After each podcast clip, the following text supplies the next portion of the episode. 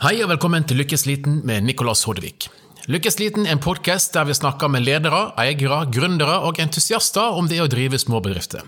Vi ser på suksesshistorier og nedturer, tips og triks og ellers alt som kan inspirere og hjelpe i det som ofte kan være en hektisk og noen ganger ensom hverdag. Ukens gjest er gründerentusiasten Marius Selsø Håkonsen. Marius er ei sentral brikke i gründermiljøet på Haugalandet, og har bl.a. utvikla Gründerloftet og akseleratorprogrammet Flow Accelerator. Vi snakker om hvordan en kan skape gode gründermiljø i norske byer og regioner, hva vi kan lære av amerikanerne, kapitaltilgang i Norge, akseleratorprogram og den gode tennisbackhanden til Marius.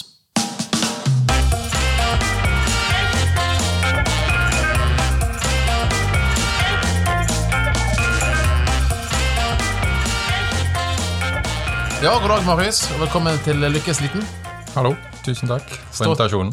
jo, bare hyggelig. Stå til. Ja, det er veldig bra. Travelt, men bra. Ja, og når du sier travelt, så jobber du med mange forskjellige ting, men folk flest kjenner det kanskje igjen fra Gründerloftet. Kan du fortelle litt om hva dere gjør der? Ja, det er litt todelt. Um, Gründerloft er jo på en måte sånn rett frem, så det er et kontorfellesskap som leier ut kontorplasser på uh, til oppstarts- og vekstselskaper. Eller de som vil på en måte følge drømmen sin og starte bedrift. Men kanskje det som, altså, det jeg brenner for, er ikke å leie ut rimelige kontorplasser, men kanskje det jeg brenner mest for, er å lage et økosystem for at for oppstartsselskaper gir gi de større sjanse for å lykkes her i Haugesund. og, og kanskje inspirere flere til å ta sjansen om å, å følge drømmen om å, å starte sitt eget selskap og jobbe med det de brenner for. Så, så med Gründerloftet så leier vi kontorplasser, men vi jobber veldig mye med å lage et økosystem og sette opp eventer, tilby kurser. Og kanskje først og fremst å samle gründere på én plass, sånn at de kan dele litt erfaringer. Enten om du skal starte en om det er en ny app du lager som dere i Tinga, eller om du skal starte en ny fabrikk med å produsere aluminiumskabler, som Bengt Haugland gjorde i sin tid, så, så er det veldig forskjellig, men er likevel på litt på samme reisen i startfasen. sant? Du skal finansiere det opp og Ja, ja. litt samme mentalitet. Ja. Og jeg eh, har jo sjelden møtt noen som er like interessert i meg som med oppstartsselskap. Jeg har jo et brennende hjerte for det sjøl òg, så det er veldig kjekt å, å prate med deg. Jeg har pratet med deg om dette mange ganger før. Men eh, hvis vi går litt eh, inn, i, inn i ditt hode, da, hva som, hva som har gjort at du har blitt så interessert i startups, og hva som har inspirert deg til å gjøre det her i Haugesund? Altså Begynner med meg først, så er det vel at jeg ble Altså, jeg, jeg, tror, kanskje, jeg tror kanskje du kjenner litt på det. altså Hvis du har måte, den mentaliteten i deg, så er det, er det litt uunngåelig til slutt at du følger drømmen og starter selskaper. Så personlig så var jeg jo eh, starta, et par selskaper sjøl først og har bodd lenge vekke. Um, må jo si det at jeg ble fryktelig inspirert. Jeg jo, begynte i arbeidskarrieren min i, i olje og gass. Jobba for Aibel og så jeg litt som konsulent før da, for, noen, for fem år siden jeg starta for meg sjøl første gang. Eh, men der største del av inspirasjonen min kom fra, var at var, jeg var med på en studietur til Silicon Valley som, som, eh, som andre eh, arrangerte. da. Nå har jeg jo senere tid begynt å arrangere det sjøl òg, men da var jeg med som ansatt i Able og, og, og Bouvet. Um, og, ble, og var der borte ei uke og besøkte alle disse store aktørene som Apple og Uber og Airbnb og alle disse kjente navnene vi, kjenner der borte fra. Og så, men òg litt sånn nye startups innenfor spennende tema som autonome og selvkjørende biler, eh, kunstig intelligens, 3D-printing og disse type tingene. Og da hva skal jeg si, da gikk det litt, sånn, litt lys opp for meg at eh, hvis folk kan følge drømmen sin der borte der de virkelig risikerer alt, så hvorfor skal ikke jeg gjøre dette i, i, i Norge?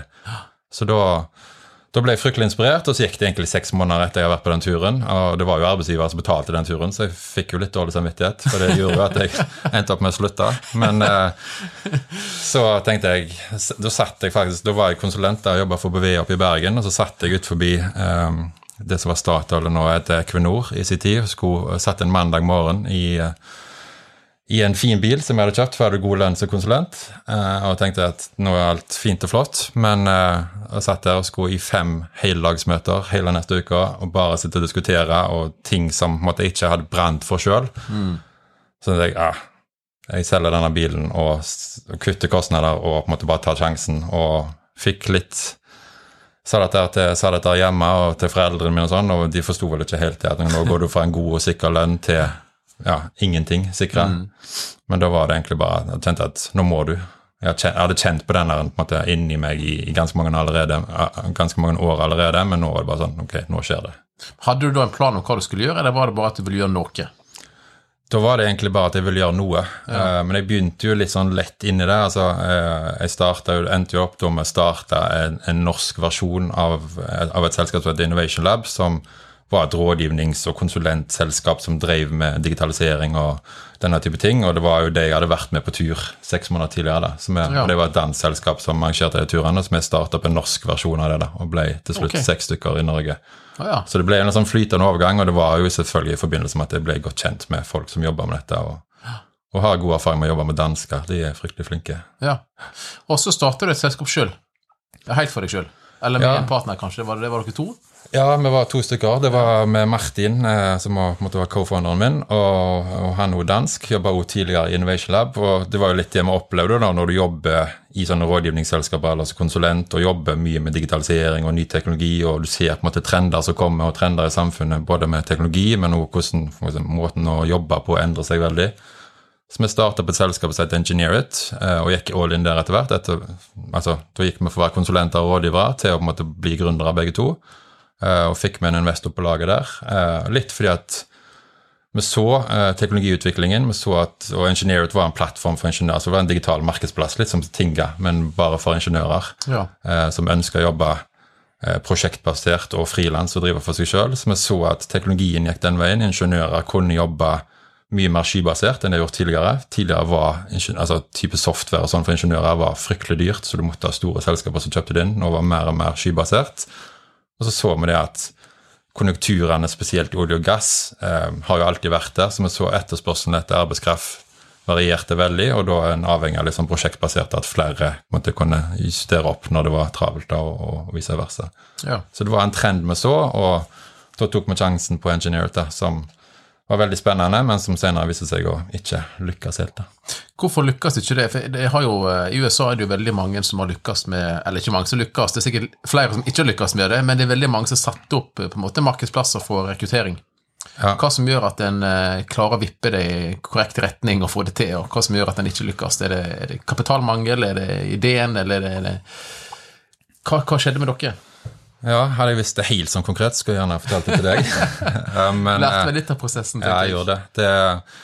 Det var nok to ting som sånn i etterpåklokskapens uh, At en kan se litt tilbake. Det ene var nok at den ene delen av markedet ble ikke Altså i en digital markedsplass så du er helt avhengig av å følge opp begge sidene. Vi fikk fryktelig mange ingeniører som registrerte seg med profiler osv., men det var ikke så mye selskaper som var modne nok eller klare nok til å legge ut jobbene sine på den type plattformer. Um, Ja. De ville ha ingeniører in-house. Um, og så må jeg være ærlig og si på at vi, vi var uerfarne. Dette er det første selskapet jeg starta opp sånn helt fra grunn, og det var et teknologiselskap. Um, og det koster mye å utvikle en sånn plattform, og vi gjorde den generaltabben som, som jeg og deg har snakket litt om før òg, at vi, vi leide inn utviklere. altså Både meg og, og, og, Martin, som jeg starta selskapet med, hadde ikke skills på, på utviklinga, så vi kunne ikke kode sjøl. Så det var noe vi måtte betale for. og det ble for dyrt til slutt, og vi hadde bare en investor inne, og gikk egentlig tom for penger før, før vi klarte å ta markedet. Det var egentlig så Ja, det er vel noen grunner til at en lykkes Nei, ikke lykkes. Det ene av det er jo at en går tom for penger. Jeg får, Ja. jeg, får, jeg, får, jeg får ikke brukt nok tid på å teste og komme seg fram til eh, det rette måten å gjøre det på. Vi gjorde det samme i World of Acadian, som var det første selskapet jeg starta etter jeg slutta jobben. Det var vel i 2014. Og da skulle vi starte en, en Det òg var en markedsplass, der vi skulle selge gårdsferie. Ja. Eh, og vi ønska da å utvikle en, eh, en eh, webside der folk skulle booke som var liksom på nivå med det Airbnb hadde. og ingen av oss var utviklere. Og vi leide inn eh, fantastisk flinke utviklere her i byen. Og vi jobba med Tada på designsida. Kjetil Sande gjorde en veldig god jobb i å gi oss det uttrykket vi ville ha. Men det koster oss en formue å leie inn både designbyråer og utviklere, og det var nå greit. Vi satt med produktet. Men når vi var ferdig levert, så så vi jo at det var veldig mange andre ting vi trengte. Mm. Og da måtte vi igjen begynne å leie inn, og det har ikke vi råd til, og da stopper det opp. ja. ja for sånn, en, en sånn markedsplass den blir jo på en måte aldri ferdig. sant? Nei. Den må jo hele tiden utvikles. Så, Det er på en måte Når du lanserer produktet, da begynner du å få tilbakemeldinger fra kundene på begge sider av markedsplassen, og så skal du utvikle nye ting som skal hjelpe deg. da, For du, du har jo en idé og en tanke om hvordan det skal være, men så er det jo tilbakemeldinger som gjør at vi får det gode produktet. Så nei, tilgang på kapital er jo eh, vanskelig, men dere fikk jo med dere én investor da, egentlig før dere hadde begynt. ja, da var vi egentlig på idéstadiet. eh, Eller det, det vil si, vi, vi var jo videre enn det, men det var det egentlig et konsept eh, Ja. med, med, slide, med et fint slide deck og, og, og, og gode tanker på hva vi skulle gjøre, og en god business case. og selvfølgelig med alle digitale markedsplasser, et enormt potensial hvis du klarer å skalere det. Ja. Så vi fikk med oss en lokal investor ganske tidlig, vil jeg påstå, som trodde jo på oss som, som team, um, og trodde på ideen. Og dette var jo en investor som var ingeniør av, av bakgrunn, og, og trodde veldig på at arbeidsmarkedet som han hadde vært en del av, og som for så vidt jobba på den måten sjøl, bare at han jobba litt sånn på vennskap og kjennskap og ble anbefalt videre. Han, han, tro- han så at det var på vei den veien, så han investerte litt penger sjøl for, ja. for å støtte det. da. Ehm, og så har du gått over til uh, Gründerloftet litt seinere. Hva, hva, var, ehm, hva var ditt ønske med Gründerloftet? Du, var, det, var det på bakgrunn av USA-turen, det òg? Eller var det, var det noe, var det noe som sådde det, eller var det reisen du hadde tatt gjennom et eget firma? Som, uh, hvordan så du den mangelen her i byen? Ja, nei, Det var nok litt uh, av, av begge de tingene du nevner der, men det, det henger litt Det er et personlig motivasjon her, det henger litt sammen med at jeg hadde bodd lenge vekke. Jeg hadde bodd i, i utlandet et par år, eh, i København og Australia, og, og bodde i, lenge i Bergen, og slutta hjem igjen til Haugesund. Så det personlige motivet var at da, da drev jeg mitt eget selskap, hadde sittet på disse typer på en måte hubene i andre byer, eh, og u- når vi var og, og reiste i USA, og så at dette var et måte, fenomen som poppa opp overalt. Så jeg så jo markedspotensialet der, og så skal jeg helt ærlig å si at jeg lette etter et kult kontor i Haugesund, Ja. eh, og fant ikke det helt på egen hånd. Jeg husker jeg ringte Bjørn Dybdahl, som eier høvleriet, um, som nå, nå Gründerloftet ligger på toppen av, og spurte om var om jeg kunne leie et kontorplass av han. Og da fikk jeg nesten bare litt sånn latter tilbake. Eh, så han, for han, jo, han har jo 400 kvadrat og var ikke interessert i å leie ut til en fattig gründer som skulle ha en liten del av det. Men så, så ble det på en måte inspirasjonen til å tenke litt videre, og da var det en markedsmulighet der. Mitt eget problem at jeg, jeg trengte et, måte, et kontorfellesskap med andre andre som måtte tenke litt likt som meg, da, fordi de som jeg jobba sammen med, de satt i andre enten i Danmark eller i Bergen eller i Oslo. Så det var et liksom ønske om å ha litt kollegaer rundt seg. Og da, da, ja, da gikk det fort, egentlig. Den ideen, Jeg gikk, rundt med den ideen, og så traff jeg en som Jarl Salhus Eriksen, som nå er, måte, jeg eier Gründerloftet sammen med. Som hun gikk eh, rundt med en idé om å starte et makerspace. Eh, Det vil si et verksted der en har forskjellige typer digitale verktøy da, for å lage fysiske prototyper, f.eks. Ja. Um, så var det noen som spleisa oss, og vi tok en, uh, tok en lunsj sammen og fant ut at dette kan vi jo lage i fellesskap. Og så var vi og så på masse lokaler, uh, så på gamle Kråkereiret, uh, så ut på Raglamyr. Veldig glad for at vi endte opp der vi gjorde, på høvleriet. Det, til, vår, til min store overraskelse så kom vi inn i det lokalet, så at det sto tomt. Uh, og tenkte dette er et perfekt uh, spot for å starte et sånt kontorfellesskap i Haugesund. Så da ja. da satte vi bare i gang. og Første vi snakket med, var DNB som hovedpartner, som var partner på sånne type plasser i andre byer. og Så likte de det, og da, da kunne vi egentlig bare dra i gang. Så da var det mye dugnad, mye arbeid, ikke så mye penger. Og vi satt der og var litt sånn der Fins det et miljø her i byen som ønsker dette her? Jeg husker meg og Jarle satt i hver sin ende av dette store loftet med 400 kvadrat og tenkte ja, ok, håper det kommer noen. Så, men så gikk det noen måneder, så ble vi sju, åtte, ni, ti stykker, og så har det egentlig bare vokst siden det. Så det viser seg at det sitter mye oppstartsselskaper og gründere rundt omkring i regionen her også, som kanskje har sittet hjemme i, i, på hjemmekontor eller i kjellerkontorer, eller som sittet rundt på andre typer kontorfellesskap, som så verdien av å samles. Tinga er bedrifter bak Lykkes Liten. I Tinga utvikler vi nå en spennende markedsplass som skal gjøre det enklere å handle fra lokale produsenter. Hvis du er en lokal produsent, så ønsker vi svært gjerne å prate med deg. Og om du kjenner noen, så setter vi stor pris på om du tipser deg om oss. Du finner all informasjon om oss på tinga.no bedrift. Vi snakkes! Gründerloftet har jo eh, vært en suksess. Det er jo veldig mange jeg kjenner som har vært der nede. og mange, eh, Noen jeg har vært på podkasten som har vært der nede. og eh, jeg òg har jo jobba i et sånn type miljø i Frankrike når jeg var der. og Veldig inspirerende å gå inn døra hver morgen og se at det er andre som går på jobb og bretter opp armene og skal starte ting. og Selv om du gjør helt forskjellige ting, så er det nok med den mindseten du har, da, og samme, kanskje litt type samme problemstillinger. Og du blir ofte litt aleine, så, så alle byer trenger et sånn type loft. Om det ikke er et loft, og et miljø. Men hva, hvor går vi videre derfra? Er det, er det flere ting du, du ser da som mangler i en, i en by som Haugesund? Jeg er sikker på at det er andre som sitter rundt omkring i landet òg, som har eh, ja, sitter jo i små byer, de fleste av oss. Hvordan skal vi klare oss å komme oss videre derfra? Ja, det er jo det å skape det økosystemet da, og gi, Ja, og, og det er personlig det jeg brenner veldig for nå. Altså Tidligere har jo jeg på en måte starta selskaper sjøl, og nå, nå jobber jeg jo med, med Gründerloft og litt andre ting som vi kan snakke om litt etterpå. Men det er det å skape det økosystemet, og hva skal til for at en får et sånn her en ja, at får et brennende, brennende engasjement og klarer å inspirere flere til å ta sats. Og da er jo et kontorfellesskap, det å, å, å samle mennesker som tenker likt, er én del av det. Og sånn er det jo sånn. altså Du som starter Tinga òg. Altså, jeg digger jo det at dere er veldig transparente og deler alt dere gjør, men du har sikkert gode dager der du har lyst til å dele alt, og du har sikkert noen dager der du tenker åh, hva er det jeg holder på med? Uh, Ja. Hva jeg har satt ut på nå? Og, og, og, de dagene tror jeg det er ekstra viktig å sitte i et fellesskap der andre også kanskje har satsa, og dele de, både gode erfaringer, men også dårlige erfaringer. For sånn er det alltid i starten, at det, det er tøft noen dager. Ja. Um, så det er en del av det, å lage et fellesskap. Ellers er det jo andre, andre ting jeg kan ta fra sånn suksessfulle huber rundt omkring i, i mye større byer enn Haugesund, selvfølgelig. Men det er jo altså En kommer jo aldri vekk fra at det er tilgang til risikovillig kapital er jo, er jo veldig viktig. Det er en grunn til at Tel Aviv eller Berlin eller Silicon Valley for den saks skyld, at det kommer masse spennende selskaper der, det er for at de sitter med, med, med spennende, eller med, med investorer som er villige til å hive penger inn i kanskje i utgangspunktet galne ideer. da. Um, så det er en bit av det. Risikovillig kapital det føler jeg for så vidt vi har her på Haugalandet. Uh, så det handler om egentlig om å spleise de miljøene, at de, kapitalen ser de spennende ideene.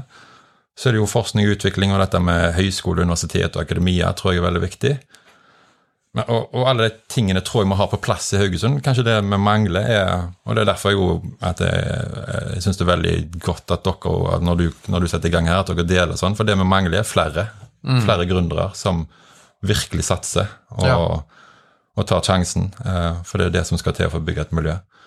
Du snakker ofte om dette med pay it forward. Hva, legger, hva legger du i det? Det er, litt, det er jo litt tilbake til disse turene til USA òg. Jeg er blitt veldig inspirert. altså Amerikanere er jo amerikanere. Eh, De er jo litt mer utadgående enn oss, og du kommer lettere i kontakt med dem. Men det som jeg får en sånn veldig genuin følelse av når du nærmest når du lander på flyplassen borte i San Francisco der, er at det, de har en sånn norm eller regel at hvis du har lykkes, så er det min plikt, eller en, nesten en lov, at jeg skal hjelpe deg som er på vei opp. Um, og det kjenner du veldig godt på når du kommer der selv som bare besøkende, at, eh, og vi som har arrangert turer der borte, at eh, folk er veldig hjelpsomme, Uh, for de ønsker at de ønsker hverandre alt godt i den reisen, og det, det, det merker en òg litt i sånne fellesskap som Gründerloft er en del av, eller Innovation Dock i Stavanger, eller Mesh i Oslo, at det, det er blitt en sånn veldig pay it forward-kultur i, i startup-miljøene. Det er en veldig sånn åpen delingskultur, og en vet at det er en Altså, Vi har et uttrykk nede på, på Lofto som vi kaller karmaøkonomi. Sånn, sånn hvis, hvis jeg har skrevet en Innovasjon Norge-søknad, og du skal i gang med det tre måneder senere, så kan jeg gi noen tips og triks, f.eks. hva som gjorde at jeg lykkes. Og, da, og jeg forventer ikke at du betaler meg en timelønn for å gjøre det. Så det er litt det som vi legger i denne pay it forward-kulturen. At jeg hjelper deg, og forventer ingenting tilbake, men i det lange løp så, så tror jeg det kommer tilbake. Og det tror jeg har blitt veldig godt utbredt i den oppstartskulturen. Mm. Jeg så òg dere hadde en del eh, samarbeid med Haugaland Kraft, og de har sittet ned på Gründerloftet og hatt noen prosjekt. Hvordan, hvordan har det påvirka miljøet? Har det vært en positiv, eh, positiv ting i hverdagen for de som sitter der?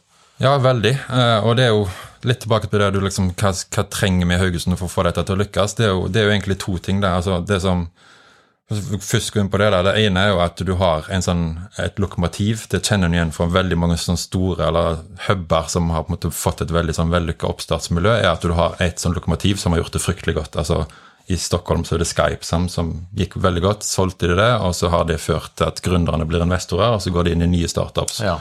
Og så får du alle disse fintech-selskapene som kommer fra Stockholm, eller Klarna eller Spotify, og alle disse typer selskapene som kommer opp rundt det.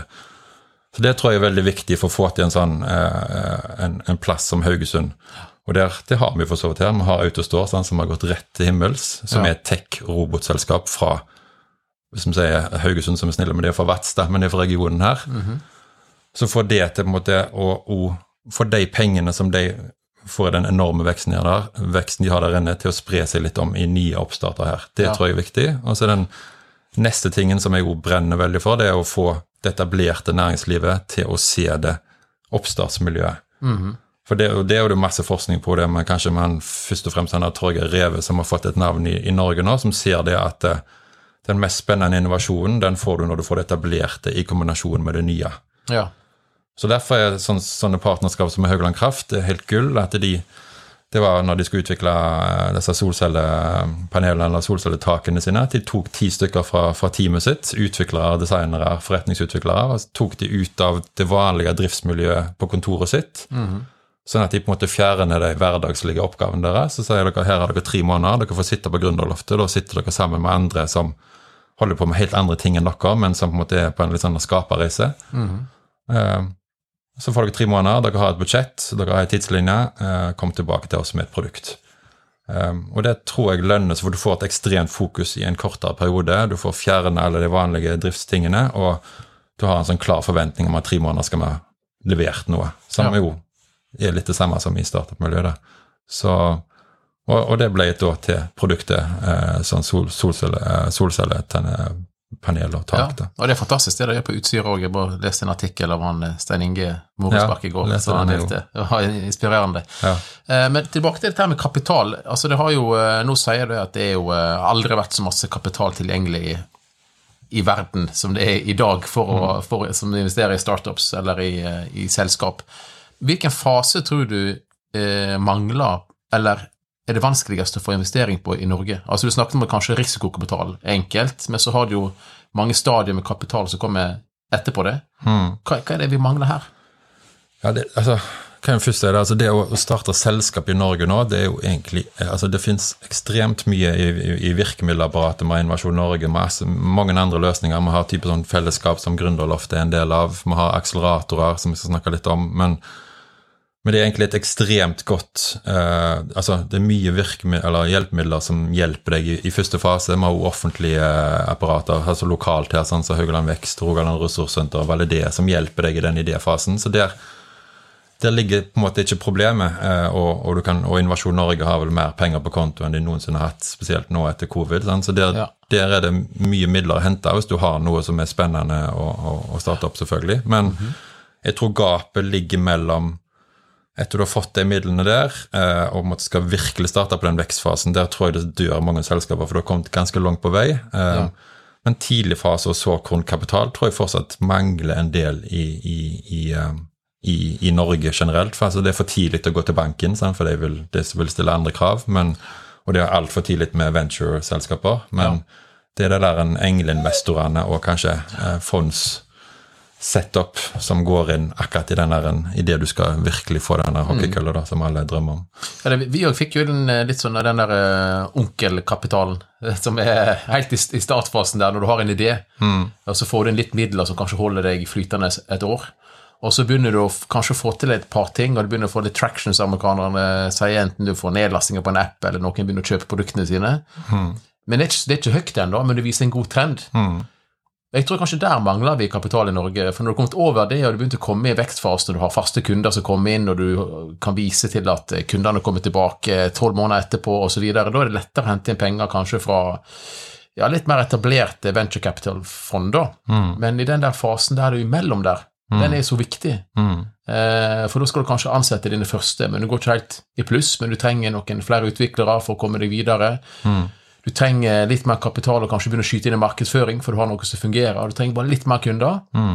Men der mangler det en del. Men der har vi jo Sånn som jeg ser det nå, da, så er det kommet en del europeiske investorer på det markedet der, som kanskje òg er tilgjengelig for, for, Norden og Norge òg. Og det virker som at flere nå er interessert i norske startups enn tidligere. Er det et inntrykk du òg har? Ja, veldig. Eh, Altså, vi har jo på en måte ligget, og ligger nok fortsatt bak et land som f.eks. Sverige og, og Danmark, som jeg kjenner godt til, men Sverige har jo på en måte et et litt sånn eh, yrende oppstartsmiljø, eh, og har litt flere av de der enn lokomotivene som har virkelig gjort det stort i, på verdensbasis òg, men jeg tror de siste to-tre årene så har det jo blomstra veldig i Norge òg. Eh, Oslo er, i ferd med å bli et verdenskjent miljø. og og, og, og veldig mange andre byer òg. Så, så det er en enorm vekst og tilgang til kapital. Jeg tror flere og flere investormiljøer òg ser til disse miljøene nå, for de ser at det kommer spennende selskaper. Og nå begynner vi å få noen av de der store navnene med oss. Vi har Autostore der inne nå, som nettopp ble investert i fra Softbank, som er verdens største tech-investor. Kahoot i Oslo har fått det samme. Kolonial fikk samme investor nå nettopp. Så Ja. du får noen av de der virkelig store navnene ut fra Norge òg, og da vil det Altså Stort sett alle de investorene der, når du hører de på podkaster eller hva det måtte være, så sitter han eh, kolonialsjefen og sitter han og snakker om hvordan han har investert pengene videre fra sine Ja. exiter. sant? Så da, Ja. Og da går de som regel tilbake i oppstartsmiljøet de kommer fra. Så Ja. Det er vel et, Kanskje det er et generasjonsskifte på vei for den tradisjonelle industrien. Som, kan, som Kysten av Norge er jo veldig eh, mange flinke gründere, men det er tradisjonell industri. Det er fisk, det er maritime ting. eh, Det er jo kanskje oppvekst av familieselskap. Mm. Men nå begynner du å se gründere som kommer fra en annen plass. mm. Fordi at det er kanskje lettere å starte selskap i dag. Det er så masse tilgjengelige ressurser og teknologi du kan bruke. Det, det er mindre risiko i start i dag kanskje enn tidligere. Og de gründerne der der har et litt annet måte å tenke på. De, de, jeg tror de er gründere ofte fordi at de blir litt sånn sugd inn i den der miljøet som jeg og deg snakker om, og som jeg og deg òg er litt sugd inn i, at vi mm. syns det er så kjekt å holde på med. Og derfor vil vi òg hjelpe andre, bare fordi at det er en, du, er, er engasjert i det. mm. Mens før var det, det nå, Dette er jo bare trekker noen store linjer. Men før var du jo veldig opptatt av familiebedrifter. De skulle bygge den opp stein for stein, og konkurrensen din satt jo 100 meter lenger bort til gata med et produksjonsanlegg som holdt på med de samme tingene. Kanskje det òg er i ferd med å endre seg, og kanskje vi ligger litt bakpå i Norge fordi at eh, vi er veldig fokusert på fisk og olje og gass, og det er store typer industrier.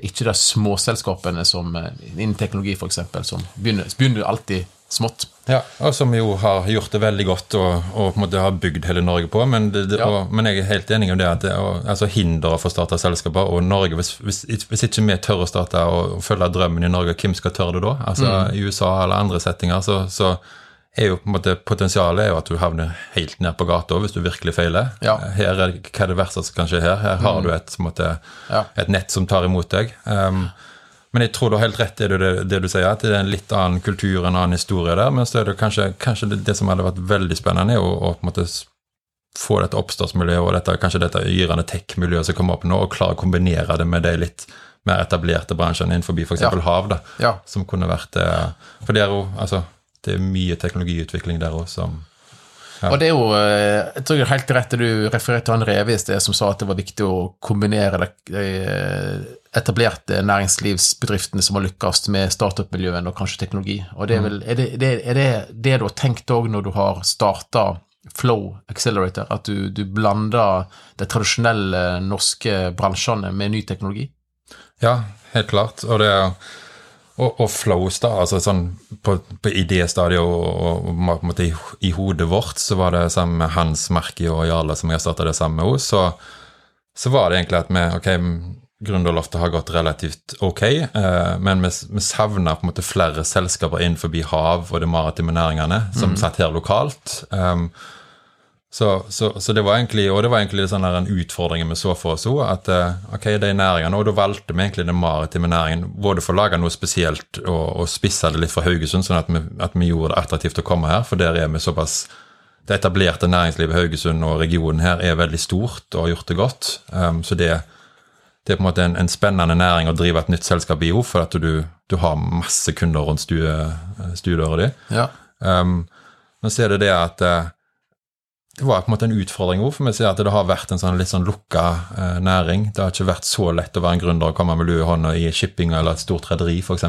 De, har- de har vært innovative og vært veldig flinke sjøl, men de har ikke, kanskje ikke den åpenheten og den samme traction innenfor teknologiutvikling da, som mange andre eh, bransjer har hatt, eh, Ja. vil jeg påstå. Så det var litt den der, vi så den utfordringen i at ok, nå ønsker vi å gå inn i de bransjene der og, og se om vi kan åpne det litt opp og s- gjøre det mer tilgjengelig for startup. Så kan vi utfordre måten de jobber på, eller løsninger de jobber på, eh, som lenge.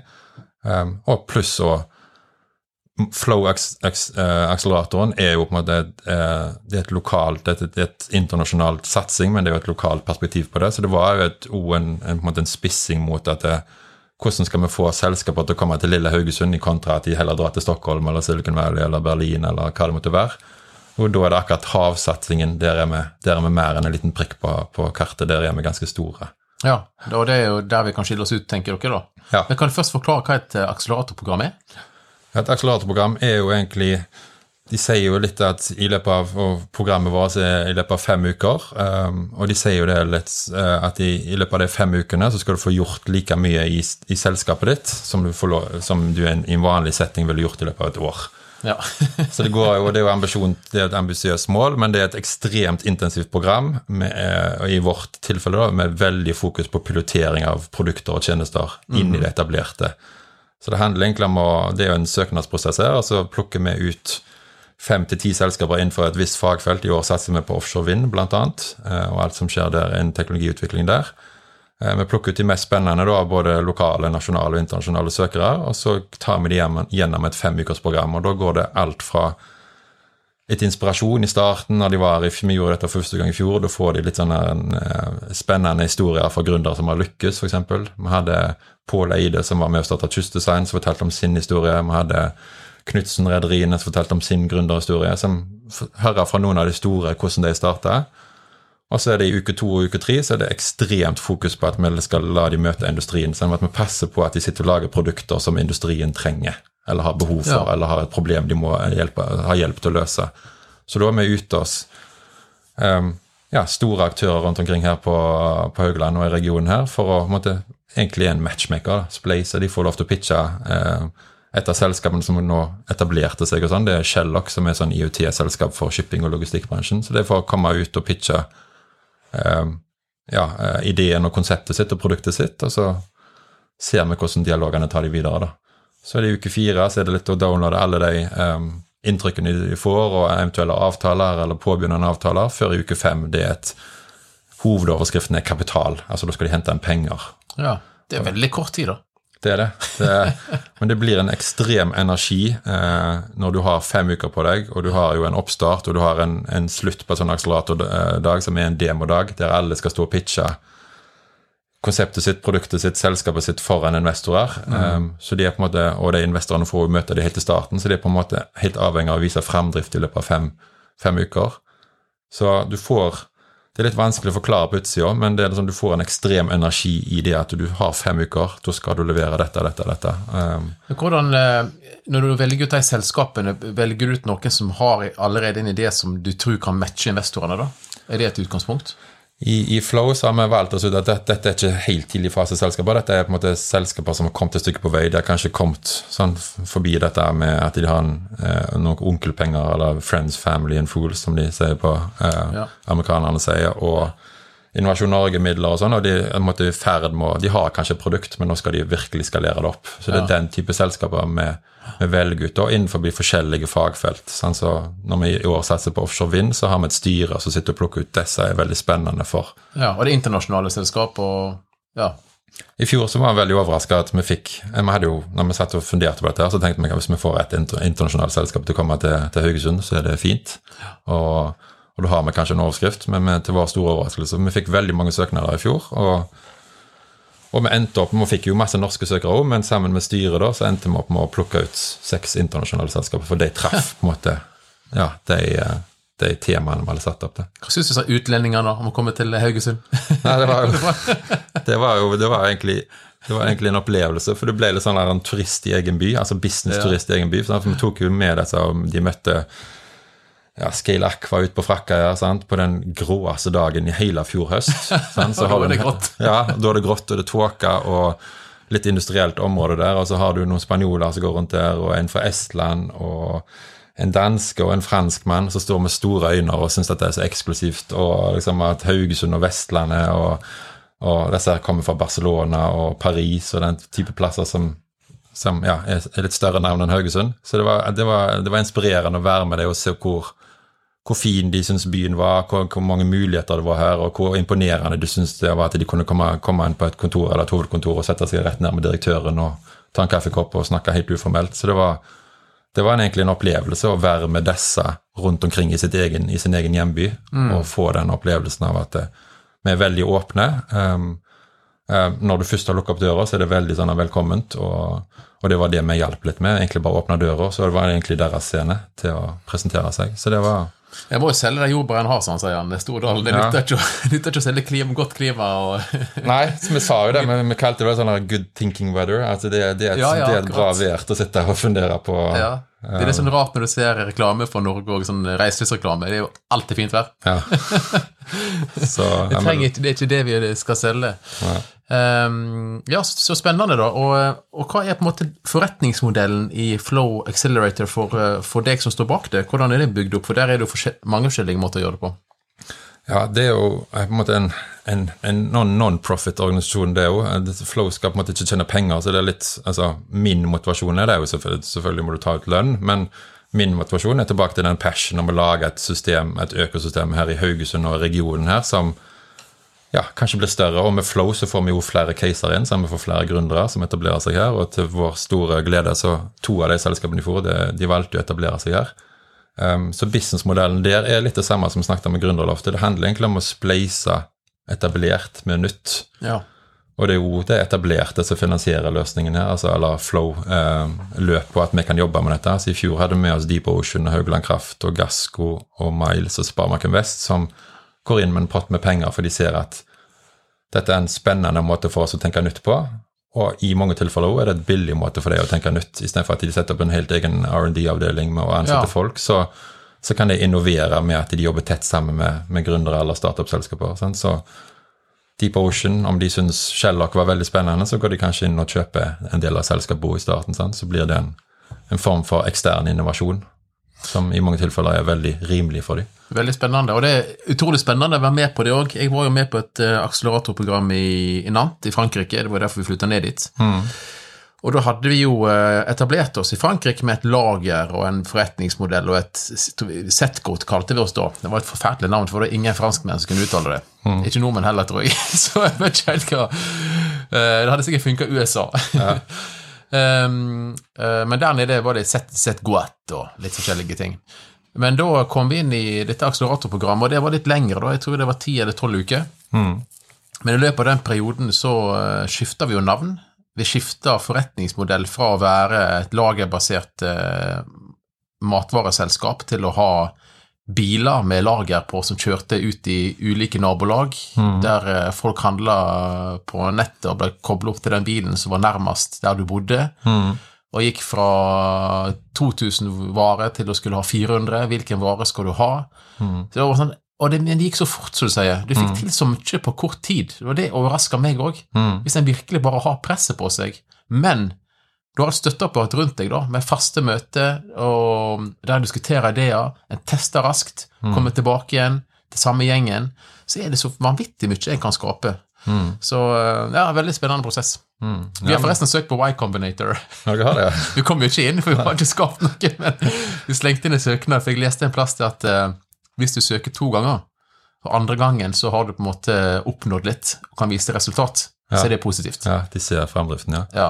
Ja, det er en, men det er jo en av verdens mest eksklusive akseleratorer å komme inn i, så hvis dere kommer inn Ja, der, så har dere gjort det godt. er det er et nåløye. Men, Men det, men det er veldig spennende å se, altså, enten om det er akselerator, eller om det er et hackathon, eller om det er en workshop. Men Ja da. jeg husker ikke Kim hva han eh, en Det er en, en kjent forsker som har sagt det, om det er Murphys law. Jeg tror ikke det er Murphys law, det er en, det er en annen navn på det. Men det er sånn, hvis du har 24 timer til å levere noe, Ja. så leverer du på 24 timer. Hvis du har 48 timer til å levere akkurat det samme, så leverer du ofte på Ja, ja. 48 timer. Så det er litt det om å få den der en Da, men om å gjøre så har den, eh, altså det tempoet der klarer en kanskje ikke å ha hele veien, da, men prøver å ha det med seg i hverdagen. Mm. Det, det tankesettet. At en må ut og levere ting og endre ting og være rask. ja.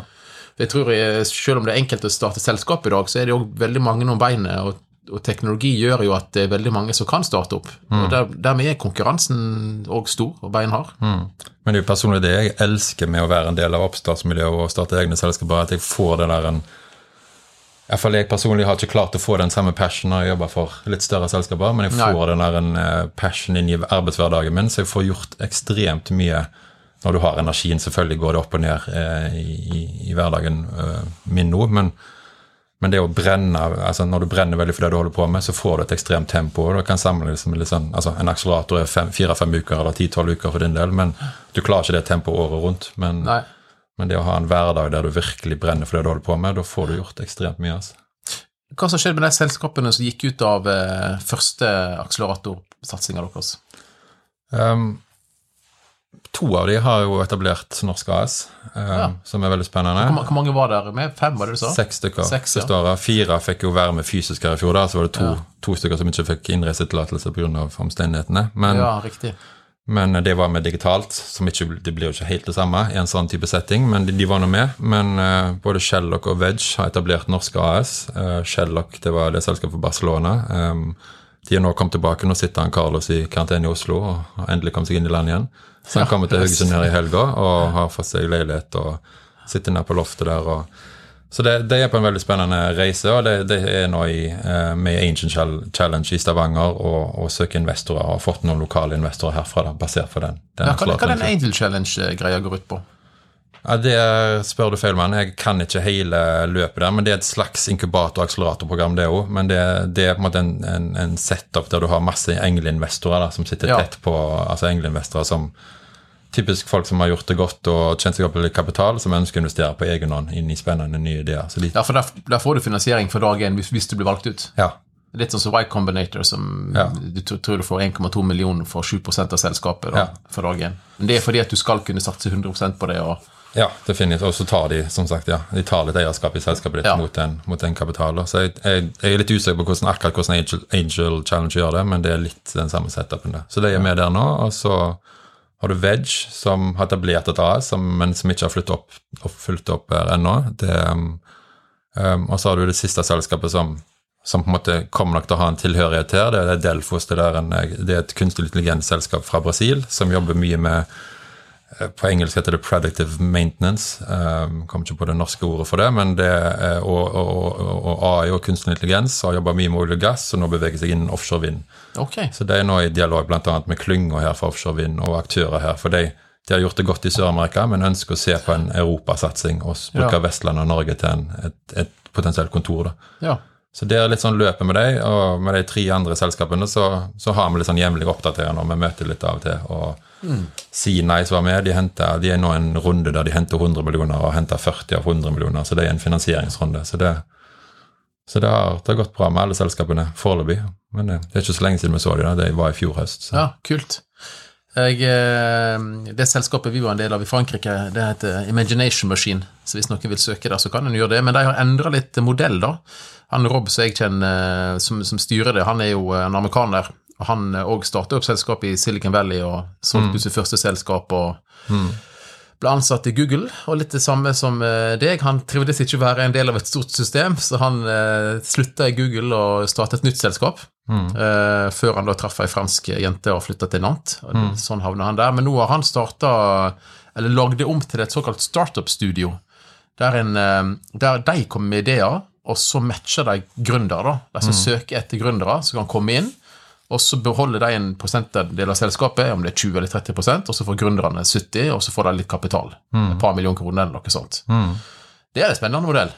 Det skulle hatt i Egersund. eh. Ja, det, det, er litt, det er litt drømmen min du beskriver der. Da. Men du har jo du har jo norske modeller. Vi hadde jo Sammen med, med, med Gründerloftet så, så setter vi opp litt sånn investorfrokoster av og til, når, når det var lov. Ja. Um, og da hadde vi bl.a. Askeladden, eh, som er en lignende Ja. type aktør her fra Norge, da, som holder til på Østlandet i Oslo, men som er den startup-studioet som gjør samme modell som du skriver der, som står bak dette med cutters, og nå har de kommet med masse nye Altså de innoverer i etablerte bransjer. da, Nå har de gått inn i lege, dok- Dr. Drop-In har de lagd, nå har de gått inn i tannlege Begravelsesindustrien òg, da.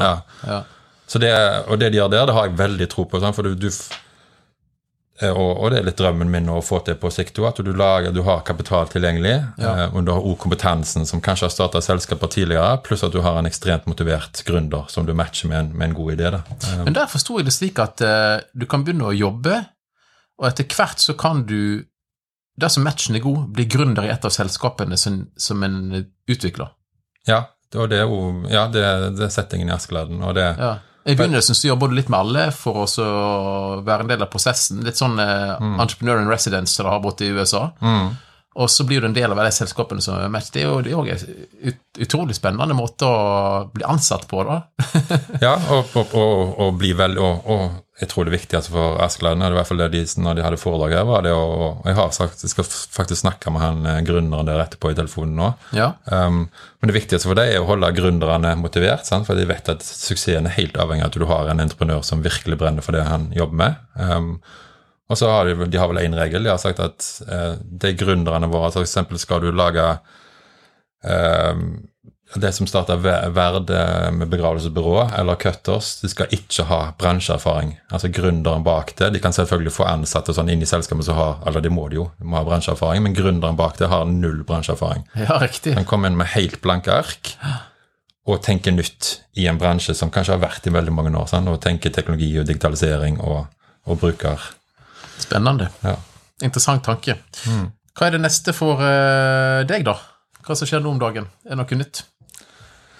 Ja, akkurat nå, så, altså Det jeg brenner veldig for, er dette å skape et miljø. Og, og i, i, den settingen så, så jobber jeg jo nå med, med Gründerloftet og Flow, eh, akseleratorløpet. Og det går litt sammen. Eh, Ja. Og så er det litt, litt det du beskriver. Litt mitt drømmejobb eh, er jo å, å ha på en måte tilgjengelig kapital. Det har jeg ikke så mye av sjøl, dessverre. Men å, å matche investorer med spennende gründerideer. Ja. Eh, så det er det vi jobber litt Vi har ikke gått helt ut med det ennå. men vi jobber med et investeringsselskap her nå lokalt som skal ha et sånn lokal forankring eh, og være en samling av investorer, men som investerer både lokalt og nasjonalt. Da. Og Har du begynt å få litt positive signaler fra de du prater med? Ja, vi har fått med oss to veldig tunge aktører og to, to store navn, eh, kapitalaktører, da, som, ønsker, som brenner for dette og, og, og måtte finansiere oppstarten av dette eh, etter dette fondet da, eller investeringsselskapet. Og da er viktig, Marius, og interessant.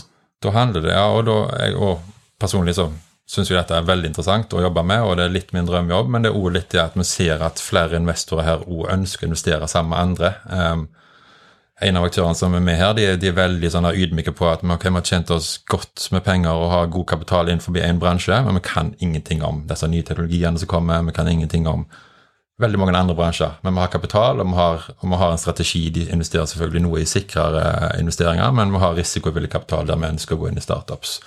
Og da, men mennesker investerer med andre investorer som kanskje har kompetanse innenfor det miljøet. Sånn. Så, så det handler egentlig om å samle et miljø der òg, og få et investormiljø som snakker sammen og sam, har en, har en samla investeringsstrategi og en samla investeringsregler på hva, hva selskaper, selskaper går de inn i. Så hvis du ser for deg eh, Hvis du går ti år fram i tid, da, hvor, hvor, eh, hva er drømmescenarioet ditt da? Ja, det, er jo en av, en av to ting. Det er enten å fortsette med egentlig det jeg jobber med nå, og litt det som vi nettopp snakket om med investeringsselskaper, og virkelig muliggjøre at flere startups lykkes her lokalt. eh, Og sitte og, og på en måte plukke ut det en har virkelig tro på. Ellers er det litt det andre som jeg på en måte ikke har klart å helt legge helt dødt etter Engineer om vi ikke fikk det helt til, så er det det enten å starte et et tech-selskap, litt sånn som dere gjør med Tinga nå, og virkelig få det til å skalere. Altså det tror jeg det, Eller det vet jeg, det er en veldig spennende reise, men det er òg hardt arbeid. Ja, Så, så du må jobbe ja, 24-7 i noen år nesten for å få til noe sånt, men det er en, det er en sånn drøm som jeg har, at du skal få et sånn, at virkelig klarer å skalere et sånt digitalt eller tech-selskap. Men uh, vi får se hva, hva fremtida bringer. Blir spennende å se. Vi tar et nytt, uh, vi tar et nytt podcast-intervju om ti år. Og før det òg. vi kan ta noen underveis. Nå skal vi ha en liten pause. I Lykkes Liten ønsker vi å nå ut til alle som er engasjerte og glade i det å drive liten bedrift. For å nå ut til enda flere er det viktig med gode tilbakemeldinger. Om du liker det vi holder på med, setter vi derfor stor pris på om du legger igjen en anmeldelse der du hører podkast, f.eks. inne på podkast-appen din. Tusen takk for hjelpa. Ja, så til slutt så har vi en liten lynrunde her, der vi skal ha ja, litt sånn korte svar hvis du klarer. Er du klar? Prøv- Skal prøve. Ja, Lynrunden, ukens lynrunde med Marius. Hva er det beste rådet du har fått som gründer? Hva er det verste som kan skje, var det en som sa til meg en gang. Eller ei som sa til meg en gang, eh, når du satser. Eh, og spesielt for oss her i Norge. Så det er vel det Det å være uredd og bare satse. Det er vel det beste rådet jeg har fått. Det er et veldig bra råd, og det, tror jeg, det fikk jeg òg. Ikke gjennom noen, men det var vel en bok jeg leste. Men det kan jo òg gjelde. Eh, Hva er en viktig egenskap du må ha da for å lykkes i en liten bedrift? Eller med en oppstart? Ja, jeg tror det. jo. Ja, det må være litt det samme. Være uredd. Og, og så må det jo være Det var en stund her i Norge at det, eh, ja, spesielt etter den forrige oljekrisen, det var snakk om gründer ditt og gründer datt, og veldig lokalt og nasjonalt, og for regjeringen og sånn, altså var gründer ble nesten et buzzword. altså Det var kult å være gründer. Men de som starter opp eget selskap, må skjønne at du må jobbe i forhold til en vanlig jobb, så er veldig ofte, i i startfasen, som jobber dobbelt så hardt og tjener dobbelt så lite, eller halvparten av det du ville gjort i en, en, vanlig jobb. Så det er vel det å ha denne arbeidsinnsatsen bak det, stå på og virkelig jeg tror, hvis du, ikke, hvis du ikke jobber med noe du brenner for i en sånn startup-race, så vil du dø ut etter hvert. Så du må virkelig jobbe med det du interesserer deg for, um, og kjenne det virkelig inni deg at dette skal jeg få til, ellers så, så tror jeg ikke det er vits, for å være helt ærlig. Har du en bok du vil anbefale, da? Det er flaut å si det, men jeg leser aldri bøker. Har du hørt noen bøker, eller er det podkast? Jeg blir veldig, blir veldig, inspirert av podkast. Jeg hører veldig ja. mye på podkast, og er veldig inspirert av folk jeg møter, enten om det er på turer til USA, eller om det er eh, som deg sjøl, som virkelig satser nå. Så, så, det er egentlig det podkast og, og, folk jeg henter inspirasjon fra. Jeg skulle ønske jeg leste mer, eh, for jeg ser virkelig opp til folk som leser mye, og jeg tror jeg hadde hatt mye ut av det, men jeg ja. klarer aldri å finne tid til det. Nei, det er akkurat det. Er det utenlandske podkast eller er det norske podkast? Er det en god kombinasjon? Det er en god kombinasjon. Ja. Det er både, ja, begge. Hva er ditt eh, favorittproduktivitetsverktøy på jobb og sånt, da, som du bruker hver dag så du ikke klarer deg uten? Det er mange. Ja. Jeg er litt sånn Du kan nevne flere. Ja. det går fint. Jeg er litt eh, til, min, til min, det jeg har starta selskapet med, til deres store fortvilelse, så pusher jeg nye verktøy på det hele tida. Så jeg er en av dem. Men for meg personlig så er det vel uh, Altså, Monday det er et prosjektstyringsverktøy som, som jeg organiserer måtte, hele livet mitt i, holdt på å. Iallfall eh, jobblivet. Uh, og er grunnen til at jeg klarer å multitaske, for jeg må ha litt struktur av og til for å få ting til å skje. Og det er et veldig godt samhandlingsverktøy med andre du, du jobber med òg. Så Monday er et digitalt verktøy som jeg ikke kom utenom. Mm -hmm. um, og så er musikk for meg Jeg, husk, jeg hørte podkasten tidligere, det var noen som nevnte det, som, eller tidligere gjest, gjest som nevnte musikk. Ja. Og det er jeg skal bli effektiv, så litt Jeg har egentlig ikke den musikksmaken utenom, men når jeg skal jobbe, sånn, litt sånn house-musikk og litt sånn, litt sånn mye Ja, du sendte jo meg en spilleliste. Ja, jeg, hørte på den. ja. Da kommer jeg i modus av en eller annen rar grunn. Det gjør ja. et eller annet med hjernen min som gjør at jeg blir virkelig effektiv. Spesielt hvis det er sånn flyt, ja. så har noe som går og ligger bare i bakgrunnen der. Så det kan ikke være noe sånn du eh, må høre etter. da. Det må være noe som flyter litt. Ja, det må være, det gjør et eller annet med hodet mitt. Så jeg tror jo veldig på det personlig med Nå skulle dette være korte svar, men dette med å komme i flytsonen i hodet. Ja. Det, det er det masse forskning bak, og jeg tror musikk er en av de tingene som gjør at du virkelig kommer inn. For du har noen dager der du, du kan sitte i tolv timer og bare virkelig produsere, og så er det noen dager der du kommer på jobb og tenker ah, i dag var det ikke så lett. Så det er veldig interessant å se hva, hva er det som putt, setter deg i den flytstatusen. Ja, prøve å repetere det så ofte som mulig. Ja. Mm. Det er helt sant. Um, skal vi se, har Du en eh, Du har jo sikkert mange forretningsideer du ikke har uh, gjort noe med. Har du en du kan uh, fortelle oss om? Ja, det er litt problemet mitt at det kommer stadig nye ideer, og så må jeg heller begrense meg, istedenfor at, for at du ikke holder på med fryktelig mange ting samtidig. Um, jeg ble veldig inspirert av Heine Birkeland, som nå, som nå endte opp med å kjøpe TV Høgeland og sitter som daglig leder der. Jeg så Han satt ned på Gründerloftet tidligere, og da satt han opp da satt, Plutselig så jeg bort på skjermen hans, eller stalka skjermen hans, hadde han satt opp en graf. Så hadde han satt opp alle selskapene eller ideene han holdt på med nå. Og så hadde han liksom satt opp dette brenner jeg veldig for. Og Det var den ene aksen, altså passion, og den andre aksen var penger eller mulighet til å tjene penger på dette. Så plasserte han alle ideene der. Oh, ja. Og det gjorde han hvert år, og da måtte han drepe eh, mange av de tingene. Så dette brenner jeg veldig for, men det kommer aldri til å bli noe penger av det. Og så fant ja. han de to-tre engasjementene, da. Så, så, jeg har masse ideer, men hvis det var liksom uten begrensninger og sånn, så så av, av, en eller annen rar grunn så har jeg sånn tiltrekning mot øyer. Jeg så at han er en Kahoot-sjefen som, som solgte seg ut, eller deler av Kahoot nå. Han kjøpte seg øy. og skulle lage startup-øy på Østlandet. Nei, sier du det? Han brant? Ja, stemmer. Ja, ja, ja. Han kjøpte øy litt lenger sør for Oslo der. Så hvis jeg hadde hatt ubegrenset med penger, så skulle jeg kjøpt øy og starte et økosystem der med startups. Men han er litt sånn i, eh, i maritim sektor òg? Ja. Det burde være en match med Flow og han, da. Ja, vi får prøve. Ja, Vi har en hund i studio. Hvis dere hører litt sånn, Det er Luna, hunden til Marius. Det er veldig koselig. Må ikke skru av mikrofonen, bare. Um, har du en favoritt-funfact om deg sjøl som ikke alle vet om? Oi. En favoritt-funfact trenger ikke være en funfact. om meg sjøl? Um, hva jeg er vel rar på mange måter. Men uh, det er flere folk som vet om det nå. Men jeg har en lett versjon av OCD.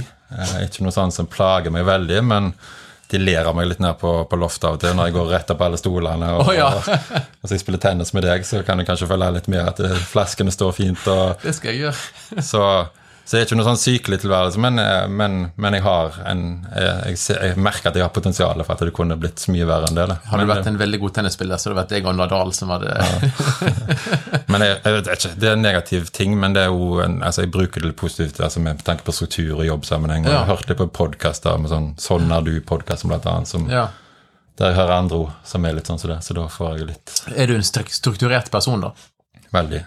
Jeg må på jobb er jeg det, ikke på fritida, men på jobb så er jeg nødt til å ha struktur for å, for å sortere i hodet, ellers så eksploderer det Jeg. Jeg har brukt Notion, eh, det har ikke brukt tidligere, men noen har vi startet Tinga, så måtte vi ha en én plass der vi, vi kan ikke bruke så masse ulike verktøy nå i begynnelsen, men vi må mm. bare Så valgte jeg Notion, da. Mm. For der kan du gjøre litt av alt. Du kan ikke gjøre det veldig bra, ikke, Monday er mye bedre på, sikker på um, hvordan du skal organisere hverdagen, men du kan òg gjøre det i Notion til en viss grad. Mm. Og så kan du òg lagre dokument, du kan lagre tanker, du kan gjøre alt mulig. Så det er òg eh, et verktøy mm. jeg kan anbefale, i alle fall. Ja, det har ikke jeg prøvd så mye, men det sjekker jeg gjerne ut. Ja. Eh, lidenskap, da, utenom jobb? Uten jobb.